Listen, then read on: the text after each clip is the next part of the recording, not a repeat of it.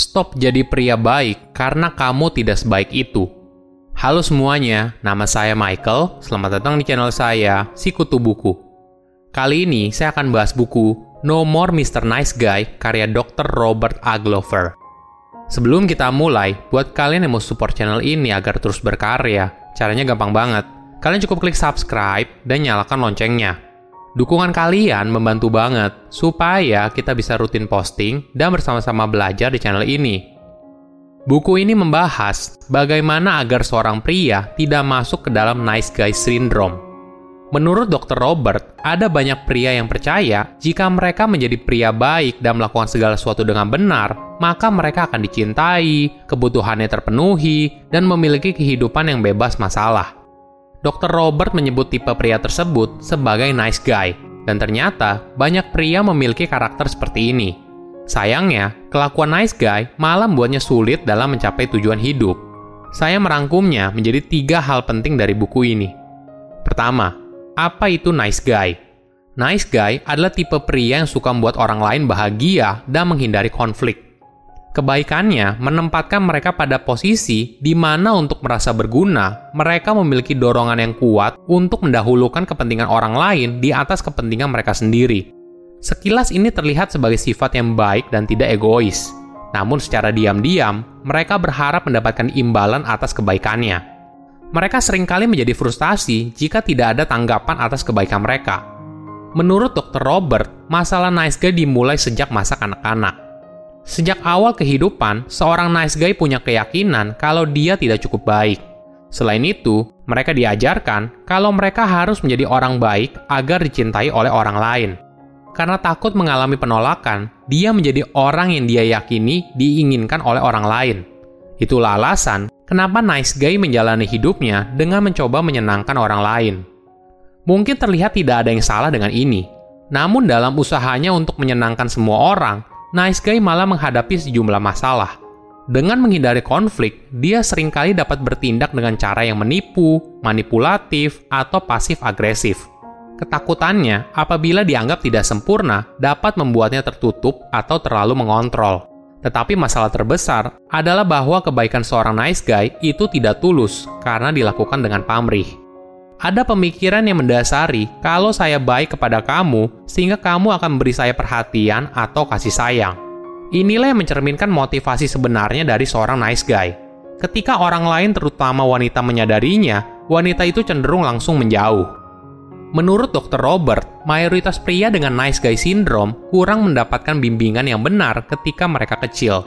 Terkadang ayah mereka tidak hadir, mengalami kekerasan, atau tidak mendapatkan perlakuan yang baik. Inilah yang kemudian buat mereka kehilangan sosok bagaimana menjadi seorang pria yang sebenarnya. Kamu pasti pernah dengar ada wanita yang bilang ke seorang pria kalau pria itu adalah pria yang baik, tapi wanita itu tidak pernah memilih untuk bersama pria tersebut. Nice guy lalu terjebak dalam situasi yang kita kenal sebagai friend zone dan tidak terlihat sebagai seorang pacar potensial di mata wanita. Namun, ucapan wanita yang bilang kalau nice guy itu adalah pria yang baik membuat pria tersebut tetap melakukan hal yang sama dan berpegang pada prinsip kalau perilakunya pada akhirnya akan mengarah ke masa depan yang sempurna. Yang tidak dia sadari kalau jalan yang dia pilih ternyata adalah jalur yang salah. Kedua, nice guy tidak sebaik itu. Kenapa menjadi nice guy justru tidak baik? Pria dengan perilaku nice guy biasanya punya mindset kalau mereka melakukan sesuatu untuk lawan jenis, maka dia akan mengharapkan sesuatu sebaliknya. Apabila tidak mendapatkan hal tersebut, maka nice guy ini akan menjadi marah. Seorang nice guy sering kali melihat diri mereka sebagai korban keadaan dan akhirnya menghasilkan sesuatu yang disebut Dr. Robert sebagai segitiga korban. Penjelasannya seperti ini. Nice guy memberi sesuatu kepada orang lain dengan harapan akan mendapatkan sebuah imbalan. Ketika dia tidak mendapatkan balasan yang diinginkan, ini membuat nice guy menjadi frustasi dan kesal. Setelah rasa frustasi dan kesalnya menumpuk cukup lama, hal itu lalu tumpah dalam bentuk serangan amarah, perilaku pasif-agresif, dan bahkan bisa berlaku kasar. Ketika siklus ini selesai, maka akan dimulai lagi dari awal. Ini adalah alasan kenapa seorang nice guy tidak sebaik yang orang lain kira. Contoh lain yang mungkin sering kamu lihat adalah ketika seorang nice guy berusaha mendapatkan hati wanita dengan materi.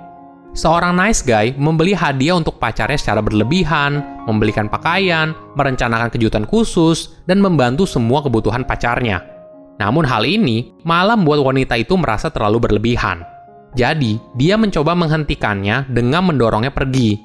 Hal ini lalu membuat nice guy menjadi marah karena merasa semua kebaikannya tidak dihargai. Nice guy itu berharap wanita itu mencintai dia sepenuhnya karena dia sudah berkorban banyak untuk wanita tersebut. Inilah yang membuat hubungan percintaan menjadi sangat beracun. Nice guy juga cenderung suka menahan diri mereka saat ingin mengatakan sesuatu.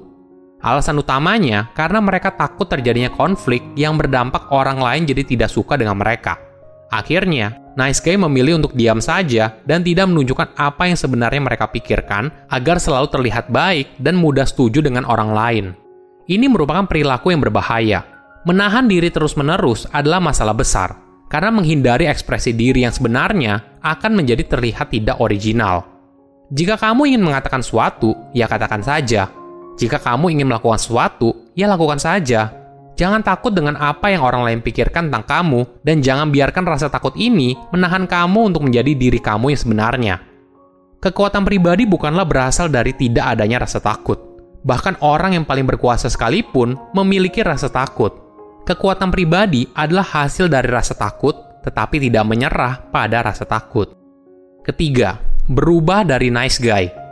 Pola yang sangat umum ketika seorang nice guy ingin mengubah situasi adalah melakukan kebalikan dari apa yang telah dilakukannya selama ini. Mereka merasa apabila menjadi baik saja tidak cukup, maka pada akhirnya menjadi pria yang brengsek. Tentu saja, hal ini tidak akan mengubah keadaan. Tujuannya bukan menjadi pria yang brengsek, tapi menjadi pria yang disebut oleh Dr. Robert sebagai integrated male.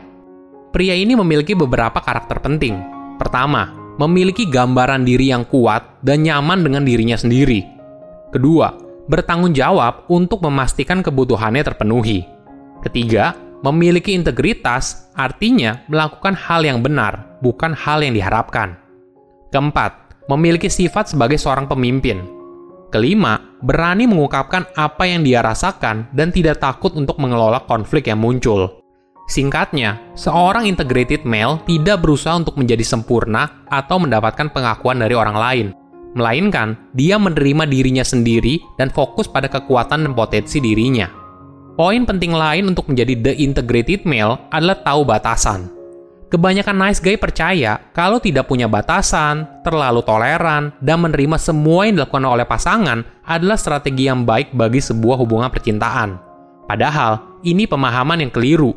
Kamu membutuhkan batasan untuk memperkuat sebuah hubungan percintaan. Batasan akan menciptakan rasa saling menghargai yang setara, dan wanita menginginkan pasangan yang punya batasan yang tegas. Hubungan percintaan memang tidak selalu berjalan mulus, tetapi, kita tidak perlu membuatnya lebih rumit daripada sebelumnya. Ketika kita selalu berusaha menyenangkan semua orang, pada akhirnya kita tidak akan menyenangkan siapa pun. Silahkan komen di kolom komentar pelajaran apa yang kalian dapat ketika baca buku ini. Selain itu, komen juga mau buku apa lagi yang saya review di video berikutnya. Saya undur diri, jangan lupa subscribe channel YouTube Sikutu Buku. Bye bye.